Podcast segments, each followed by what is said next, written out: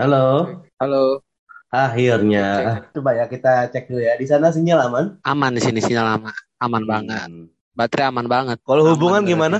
Aman dulu lancar dong. Oke, siap. Kan udah jadi pasutri baru ya dari tahun lalu Yo, eh, ya. dari tahun lalu baru setahun. Ya, oke siap. Mari kita mulai. Hai, mana sih Bana Menan? Welcome to podcast. Dan ini gua ketemu sama rekan nama gua ya satu circle. Cuman berapa kali doang ketemuan. Sakit sibuk ya. Sibuk-sibuk banget sih, cuma waktunya aja kurang pas. Ya itu maksud gua. Oke. Gitu. Nah, jadi kita awalin dulu dengan intro saya dulu ya. Kenalin diri lu, nama lu siapa, umur lu berapa, dan sekarang kesibukan lu lagi ngapain sih? Ya, halo guys, perkenalin gua Faras. Saat ini kesibukan gua lagi megang beberapa project nih, terutama di event.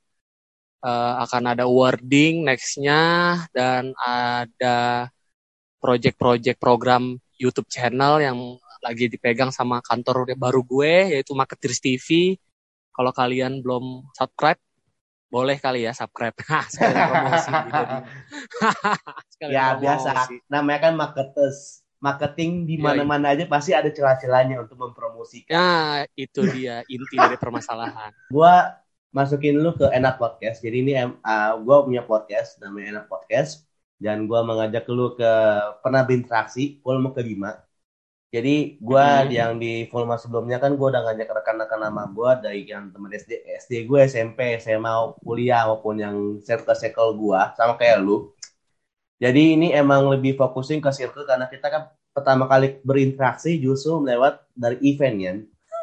Ya, Sampai Iya, sekarang gue juga betul. masih belum tahu itu. Itu eventnya udah apa tuh eh, namanya itu masih ada atau enggak ya? Masih ada dong. Oh masih ada.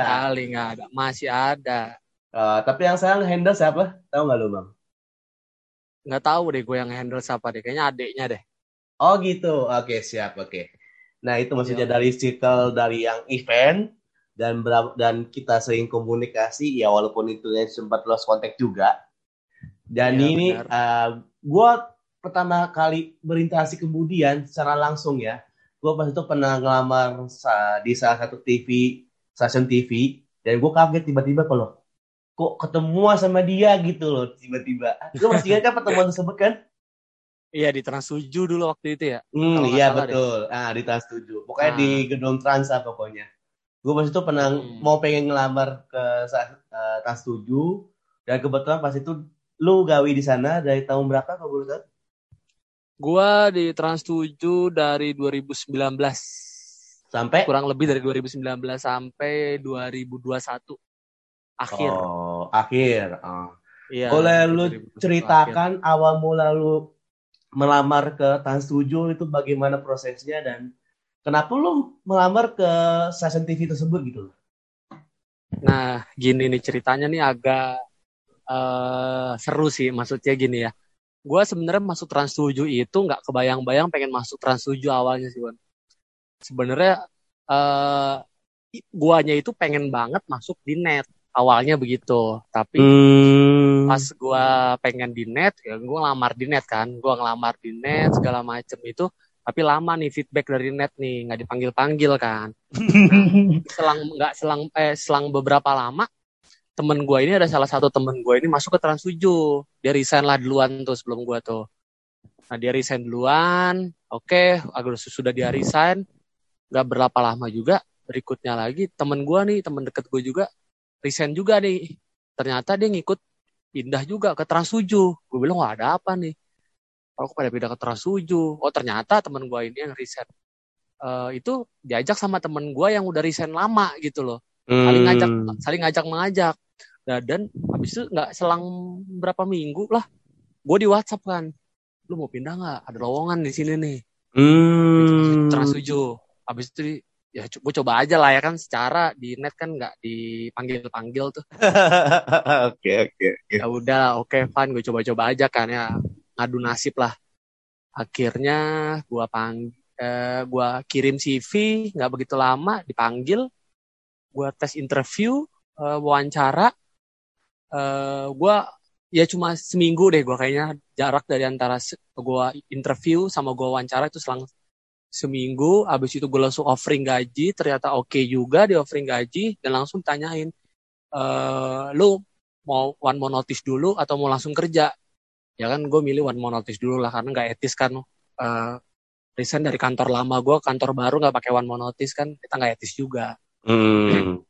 akhirnya ya udahlah gue dari situ one more notice gak begitu lama akhirnya selesai gue one more notice uh, misalkan hari Kamis gue one more notice di kantor lama hari terakhir gue kerja Kamis hari Jumat gue udah langsung masuk di Trans 7 dan itu Hmm. jedanya nggak ada libur kan biasa kan orang-orang orang-orang ada istirahat dulu atau ada apa dulu ya gue langsung jadi dari Hmm.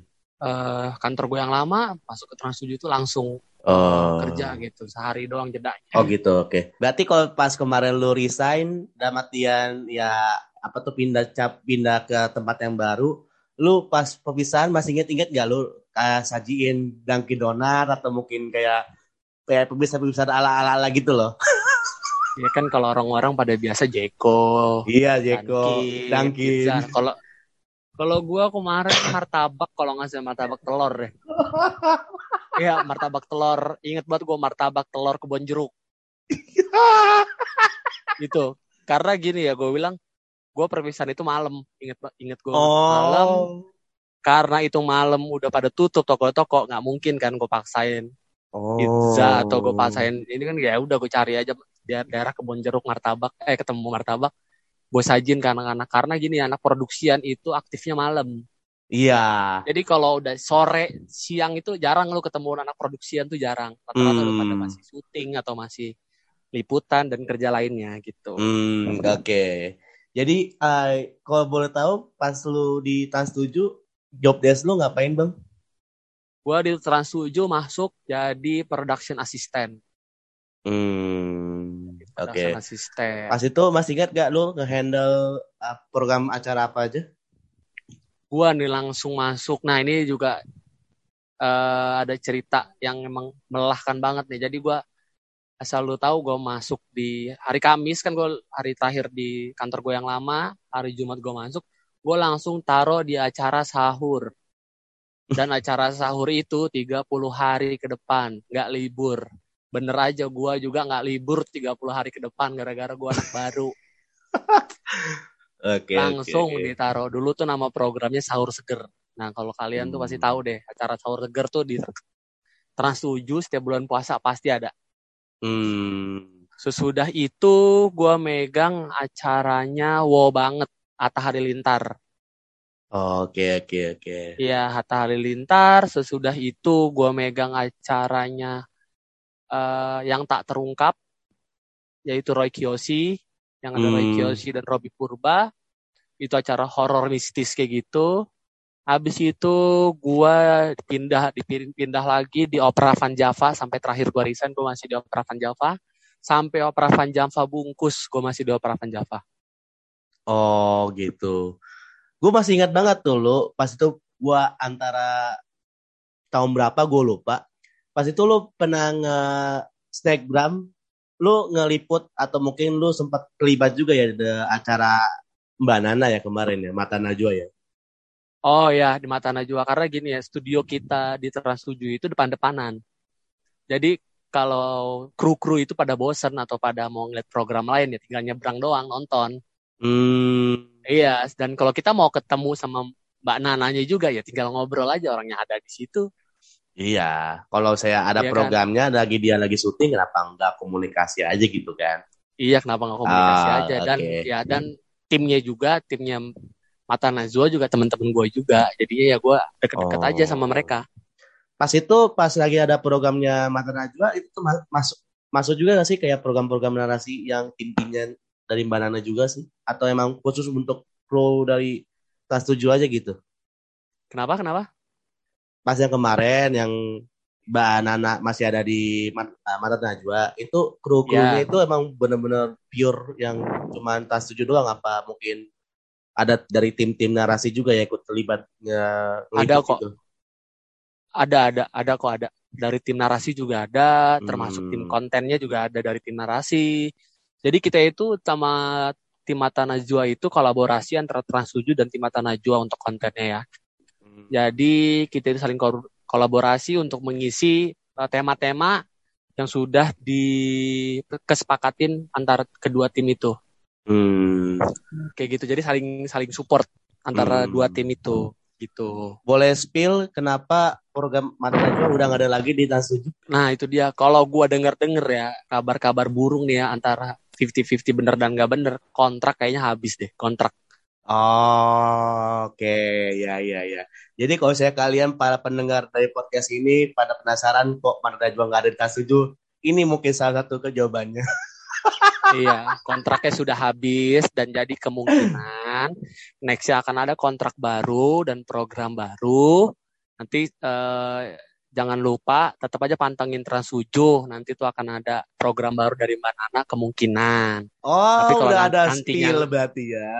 Oke, Tapi kalau nantinya nggak ada ya berarti tidak ada kontrak baru ya gitu Ya aja. ilah. udah udah membangun narasi-narasi yang bagus, eh malah dijatuhin juga. Ya di situ kan marketing namanya. Waduh, siap. Waduh. Iya, kita harus membanggakan kantor yang sekarang. Kantor yang lama kan udah ini, udah Oke, oke, mantan. siap, siap. Oke, jadi udah zaman udah mantan ya. Ah ya, Iya. eh, jadi ini emang sebenarnya judul untuk eh, kolaborasi kita itu struggle di dunia TV. Gue penasaran pas lu kemarin struggle-struggle yang lu rasain tuh bagaimana sih bang? Ya kita yang sahur dulu dah. Tadi kan mungkin lu udah sempat spill kan bahwa emang lu anak baru, langsung ditempatin di acara sahur, terus 30 hari lu nggak ada liburnya, terus apa lagi yang lu rasain? Kalau dari TV ya, untuk anak baru sih biasanya, apalagi anak-anak baru fresh graduate, ya happy-happy aja ya. Karena kan kerjaan di TV, di TV itu kan sangat dinamis ya. Sangat dinamis, ketemu orang banyak, ketemu orang baru, pekerjaan baru, ketemu anak-anak teknis, segala macam. Itu pasti seru banget sih kalau untuk anak baru. Sedangkan kalau gua kan eh, pindah ke Trans 7, challenging gua kan berbeda ya. Challenging gua adalah gimana caranya gue bisa mendapatkan ilmu entertainment dan kalau bisa gue bisa meniti karir di situ di Trans 7. Nah, jadi sudut pandang gue sama anak baru tuh berbeda. Kalau gue struggle di Trans 7 ya karena itu gue inti gue karir, meniti karir di Trans 7 seperti apa dan gue mau ng- ngerasain challenging gue untuk eh, apa namanya memanage eh, program entertainment itu kayak gimana sih? Nah, itu sih gue maksud struggle gue untuk gue bisa bertahan di Trans 7 itu seperti itu. Dan kalau gue lihat di Trans 7 sih oke-oke banget sih untuk eh, sumber daya manusianya, untuk eh, manajemennya sangat oke banget eh, dari all team eh, sangat mensupport eh, divisi-divisi lainnya kayak gitu sih kalau gue lihat sih. Jadi untuk pendengar eh, podcast ini kalau mau belajar atau ingin eh, mendapatkan tantangan challenging atau ingin mendapatkan ilmu baru di dunia pertelevisian Trans 7 sangat layak untuk eh, jadi tempat belajar, jadi tempat meniti karir juga bisa. Dan orang-orangnya juga sangat eh, apa namanya memberikan nggak pelit ilmu lah ibaratnya kalau gue bilang nggak pelit ilmu selalu memberikan ilmu-ilmunya kepada anak baru ataupun eh, anak-anak yang sudah berpengalaman eh, juga tetap diberikan ilmu-ilmu eh, apa namanya eh, broadcast yang ala ala Trans 7 karena Trans 7 itu unik banget kalau gue bilang ilmu broadcastnya. Seperti Hmm. itu. Dan eh, kalau untuk yang gue rasain di Trans 7 selama ini kalau untuk masalah waktu ya jangan tanyain ya broadcast ya namanya juga produksian ya itu sangat sangat eh, longgar banget sih. Jadi lu nggak bakal tahu lu bisa pulang jam berapa dan lu bisa eh, datang pun jam berapa. Jadi ya lu ikutin aja setiap program mempunyai waktunya tersendiri kalau gue bilang. Jadi kadang-kadang absen juga tuh ya kita ya udah kita lu lo datang lo absen, lu pulang lo absen gitu aja sih. Jadi nggak harus lu datang jam 7, pulang jam 6 karena setiap program itu beda-beda. Ada yang kayak gitu pulang datang jam 7, pulang jam 6, ada yang programnya kadang-kadang ready timnya itu jam 12 siang sampai jam 12 malam atau jam 12 siang sampai jam 10 malam juga ada. Jadi setiap program berbeda-beda, jangan dipukul ratakan seperti itu. Iya, bahasa iya. Contohnya paling simpelnya tadi kan lu bilang kan ada yang yang tak ter- yang tak terungkap ya dari Roy Kiyoshi itu. Ya, tak terungkap Masa- ya ya. betul. masa iya sih kalau saya kita gawenya dari pagi padahal kan syutingnya kita mau nyari-nyari yang tentang horor-horor pasti syutingnya malam dong kayak gitu simpelnya iya bener jadi kadang-kadang kru call-nya itu jam 3 sore ya standby di lokasi jam 5 mulai syuting tuh jam 6 itu sampai jam 12 malam gitu kita hmm. pulang lagi ke kantor jam 1 jam 2an lah nyampe kantor ya udah baru dismantle kita rapi-rapi barang dan kalau gue PA biasanya gue ngopi materi itu sampai pagi Wih di Berarti itu hitungannya syuting lagi. Uset. Berarti hitungannya dari yang tadi lu sebutin programnya dari yang acara sahur, terus acara si Ata, terus yang Roy Kiyoshi, ya sampai sekarang Opera Van Java itu emang posisinya juga tetap saja ya sama ya, project assistant juga ya bang? Iya, tetap di production assistant betul sekali. Oh, production, sorry juga project. Oke. Okay. Jadi hitungannya iya, kalau misalnya untuk yang program-program baru kayak wow banget. Untuk yang bikin-bikin programnya gitu emang lu juga ikut terlibat atau bagaimana bang? Kalau untuk program nih dari awal kita buat program itu biasanya kalau kita itu kadang-kadang ada dua tipe orang production assistant nih. Ada yang masuk program itu dari awal program itu jalan. Ada yang di pertengahan program itu dia baru masuk. Kalau gue sih rata-rata yang dari pertengahan program itu jalan gue masuk. Jadi pada saat awal pembuatan dami gue nggak ikutan kayak gitu. Hmm. Tapi kalau hmm. ada beberapa program misalkan kayak yang tak terungkap itu dari awal pembuatan program gue udah ikutan, gue udah ikutan untuk uh, ngeramu program itu seperti apa. Jadi kalau di sudut pandang production assistant itu yang dibutuhin itu adalah misalkan gini, si tim kreatif membutuhkan nuansa uh, keseraman, membutuhkan look gambar seperti ini, membutuhkan skripnya seperti ini. Nah, itu tim kreatif uh, koordinasi teknis ke tim production assistant. Nah, dari tim gua, gua akan uh, koordinasi ke anak-anak teknis. Misalkan gini, Pak, Mas, gue butuh ini, A, B, C, D, segala macam. Apa yang harus disiapkan? Nanti dari tim teknis, informasi ke gua. Nah, dari gua ini, gue udah mendapatkan data-data yang diper, yang diperlu disiapkan untuk syuting. Nah, nanti gue yang request tuh administrasinya ke bagian uh, cam store atau uh, ruangan yang biasanya di situ ada kamera segala macam segala macam untuk diambil barangnya di cam store gitu. Jadi pada saat syuting uh, hari haknya itu uh, barang yang sudah kita perluin kita tinggal ambil aja di cam store gitu sama uh, tim kameramen, tim lighting, tim audio seperti itu. Jadi breakdownnya itu dari tim kreatif baru ke tim PA untuk masalah uh, urusan teknisnya seperti itu dan untuk uh, lokasi syuting dan uh, uh, urusan transportasi segala macam juga kita handle gitu. Jadi kadang-kadang gue survei sama tim kreatif ke lokasi syuting, gue ngeliat nih lokasinya layak atau tidak untuk dipakai syuting. Kedua, jalannya aman apa tidak untuk kita lewati. Kedua, lokasi gedungnya aman apa tidak nih takut ada kan kita biasa kan kalau syuting-syuting di tempat-tempat yang horor itu kan agak-agak gedungnya rusak atau segala macam. Hmm. Kita juga cek atasnya apa benar, plafonnya apa benar, segala macam. Pokoknya keamanan juga kita harus uh, kontrol benar-benar untuk kelancaran syuting. Seperti itu. Hmm, berarti kalau saya acara horor itu kalau saya ada satu satu venue itu hanya lu yang visit juga ya, kayak cek lokasi gitu juga Bang. Lu ikut terlibat juga ya, Bang?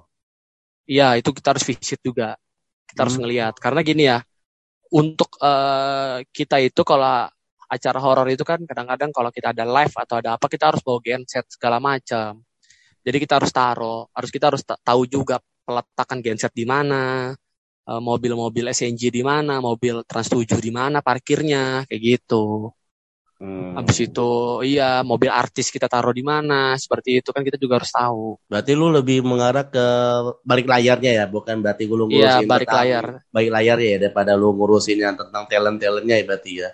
Iya, betul. Kalau talent-talent itu bagian kreatif. Terus struggle apa sih yang lu kemarin jalanin selama hitungannya tiga tahun kemarin, Bang? Yang setidaknya orang-orang yang kita biasa nonton TV nggak tahu loh itu sebenarnya pekerjaan kita kayak gini loh gitu. Kita boleh nonton acara uh, opera Van Java ketawa-ketawa kan, ketawa uh, lucu apa segala macam. Ternyata di balik itu banyak yang uh, istri-istri ditinggal suaminya untuk buat skrip. Habis itu uh, banyak uh, orang tua yang ditinggal anaknya untuk meeting sampai tengah malam sampai pagi. Ada banyak deh. Jadi kadang-kadang uh, tim itu di balik layar itu mengerjakan suatu program suatu episode itu kadang-kadang kita bisa mengorbankan waktu itu bisa all day bisa sepanjang hari gitu bisa sampai 24 jam lah, bisa sampai hampir 24 jam. Kadang-kadang kita meeting itu nggak kenal waktu sampai jam 2 pagi, jam 3 pagi, sampai jam 4 pagi, sampai azan subuh juga kadang-kadang pernah untuk kita meeting. Uh, itu sih banyak waktu yang harus kita korbankan untuk demi sebuah program yang kalian nonton dan kalian nonton ketawa itu program gitu. Kita aja udah happy kalau kalian ketawa program tersebut uh, dan rating share kita bagus Nah, kita udah happy itu suatu kepuasan bagi kita gitu loh. Walaupun banyak yang harus dikorbankan gitu, keluarga, istri, anak segala macam banyak yang harus dikorbankan. Uh, eh, gue bisa bertahan di Transsuji ya karena enak juga teman-temannya asik uh, dan teamworknya bagus banget. Udah kayak keluarga sendiri. Jadi kita mempunyai tim kayak keluarga sendiri kayak gimana gitu loh. Jadi ibaratnya kayak ada tokoh ba uh, tokoh bapak, tokoh ibu. Bisa kalau tokoh bapak itu kok produser-produser kita tuh dia itu lebih merangkul kita. Lo kalau ada curhat masalah apa pun bisa ke dia. Kalau tokoh ibu tuh biasanya teman-teman senior kreatif cewek tuh biasanya yang misalkan dia selalu mengingatkan ke produsernya pak ini nggak ada makanan pak buat anak-anak nih pak. Anak-anak belum pada makan nih pak. Ah dia bisa begitu tuh sosok ibu tuh Mm-hmm. Mengingatkan makanan segala macam. Habis itu ada sosok kakak. Kakak itu adalah senior senior kreatif cowok yang uh, yang santai gitu, asik gitu loh, enak diajak ngobrol, mau ngobrolin kerjaan, mau ngobrolin apa pun, mau minjem duit, nah itu bisa ke dia. nah itu habis itu ada rekan-rekan yang temen kita nih, baratnya uh, satu po satu posisi sama kita production assistant juga, yang biasa kita kalau kita ada sesuatu minta backup atau minta apa segala macam bisa ke dia gitu. Hmm. Udah kayak keluarga hmm. sendiri jadinya itu yang buat struggle gue di situ uh, di Transfuju itu sih asik-asik banget anaknya. Dan sampai sekarang pun gue pin keluar dari Transfuju masih keep kontak. Ah, ya sampai lost contact lah takutnya ada apa-apa lu malah nanti kehilangan sinyal nanti. Sama kayak gua sama lu udah kehilangan udah mulai kehilangan sinyal-sinyal untuk berinteraksi kembali saking sibuknya. nggak lagi nggak WhatsApp, gue mau nomor nggak pernah ganti selalu ya. ada di grup asal nggak left left grup aja. Gue suka ngasih asal jangan nggak left grup aja. Kan gue suka ngasih ngasih info kerjaan di grup. Iya gue tahu kok bang. Tenang aja. Nah eh gue pengen nanya sih ini secara personal ya.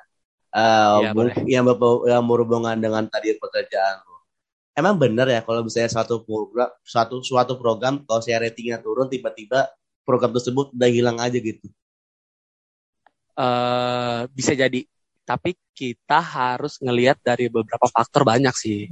Faktor-faktornya itu ada beberapa faktor yang penilaiannya dari atasan apakah program ini layak turun apa apa harus dilanjutkan. Nah, itu dari atasan sih. Kita dari bawahan ya ngerunning aja program itu kalau misalkan program di drop ya berarti ada sesuatu yang harus diperbaiki dan kalau misalkan program itu jalan ya berarti harus ada harus ada konten-konten yang harus diperjuangin gitu, harus strugglein seperti itu. Hmm, mungkin salah satu pertanyaan terakhir dari Yoi, gimana, gimana? antara terakhir atau dua terakhir gue lupa. Jadi ya, kalau saya aman. pertanyaan pertama itu selama lu syuting kan pasti nggak selalu live lah, pasti ada juga buat simpenan-simpenan buat di hari-hari esok dia buat taping lah gitu. Iya. Itu lu kalau saya ketika lu taping ada statusnya atau talent-talent itu banyak yang rese-rese nggak sih? Kalau tapping ya, tapping itu ya namanya tapping kan ya, talent-talent juga tahu itu tapping. Jadi kadang-kadang ngaret banget waktunya, ngaret banget. Tapi padahal talent udah datang, tapi kadang-kadang kan talent tahu tapping disantai dulu, ngopi dulu, ngobrol dulu segala hmm. macam. Padahal waktu udah mulai waktu syuting, ngobrol dulu. Jadi ya itu agak ngaret sih. Tapi kadang-kadang dibantu dengan kalau kita ada tapping live ah, aman. Karena live itu kan udah jelas waktunya di jam segitu jadi nggak bisa mundur ya kan? Jadi tapping pasti harus selesai di bawah jam segitu. Gitu. Satu hmm. jam apa dua jam di bawah jam segitu benar buat istirahat. Hmm. jadi kadang-kadang kebantu juga sama live-nya. Seperti itu. Talent talent sih nggak ada resi-resi talent talent baik-baik semua fan fan ya, semua pada uh. humble. Hmm. terutama talent talent transwuju sama kru juga pada humble. Oke oke okay, sih. Okay. Terutama Denny Cagur. Denny Cagur tuh terbaik emang. Jadi uh, kalau bisa untuk yang live banyak kayak ini kayak perlu di-cut aja lah atau mungkin gimana gitu. Kan biasanya kalau ada Nah, adegan kalau nah, gitu-gitu, gue penasaran untuk yang di balik layarnya kayak ini kok kok lu kayak gitu sih tiba-tiba gak sesuai dengan skrip lah gitu atau mungkin ngomong-ngomong yang ngelantur baik gitu. Nah, kadang-kadang kalau live ya namanya cara live ya, jadi nggak bisa ditarik juga. Ya udahlah itu mah lewat, paling kita di control room doang itu. Langsung pada tepuk jidat. Aduh, udah. Tinggal nunggu uh, surat cinta dari KPI. Tapi ada salah satu program yang dapat surat cinta juga. Ada semua rata-rata sih ada. Semua program TV, semua stasiun TV pasti sering mendapatkan surat cinta. Enggak, tapi kosnya untuk kemarin programnya banyak yang dikasih surat cinta tersebut. Ya ada beberapa lah. Oh, ada saking beberapa. cin- Iya, saking cintanya sama program itu kan ya dikasih surat cinta. Iya, iya, emang iya, iya. emang e- emang begitu KPI itu sayang banget sama program-program kita Nah, dia jadi care banget memperhatikan ya tapi overall ya rata-rata kesalahan-kesalahan yang tipis-tipis lah wajar-wajar lah nggak terlalu ini hmm. banget kan makanya kan bukan surat eh bukan ini surat peringatan nih masih surat cinta aja kalau kalau Ah. tim rekan-rekan kita bilangnya surat cinta Oh gitu, oke. Tapi kok saya menurut lu bang, untuk generasi di bawah kita, itu masih ada antusiasnya, masih ada antusiasmenya nggak sih kalau saya untuk bekerja di dunia broadcasting beginian, kalau saya menurut lu? sangat ada sih terutama eh, kalau di dunia broadcast ya apalagi eh, di stasiun TV stasiun TV bergengsi sangat ada sih. Karena potensi-potensi dari anak-anak TV itu nanti ke depannya dia bisa akan kerja di mana pun. Karena ilmunya dia udah paket lengkap gitu loh. Ya apalagi production assistant ya. Kalau gue bilang kalau production assistant dilempar di luar sana udah paket lengkap. Dia bisa jadi kameramen audio man juga bisa, lighting man juga bisa, editing juga bisa, ngeramu konsep acara juga bisa, apalagi Hmm, project manajernya juga bisa, show dirnya juga bisa, ngerti dia ngerti juga. Ya kan jadi karena ya diramunya ya di situ di sekolahinya itu ya di stasiun iya, ah, ah.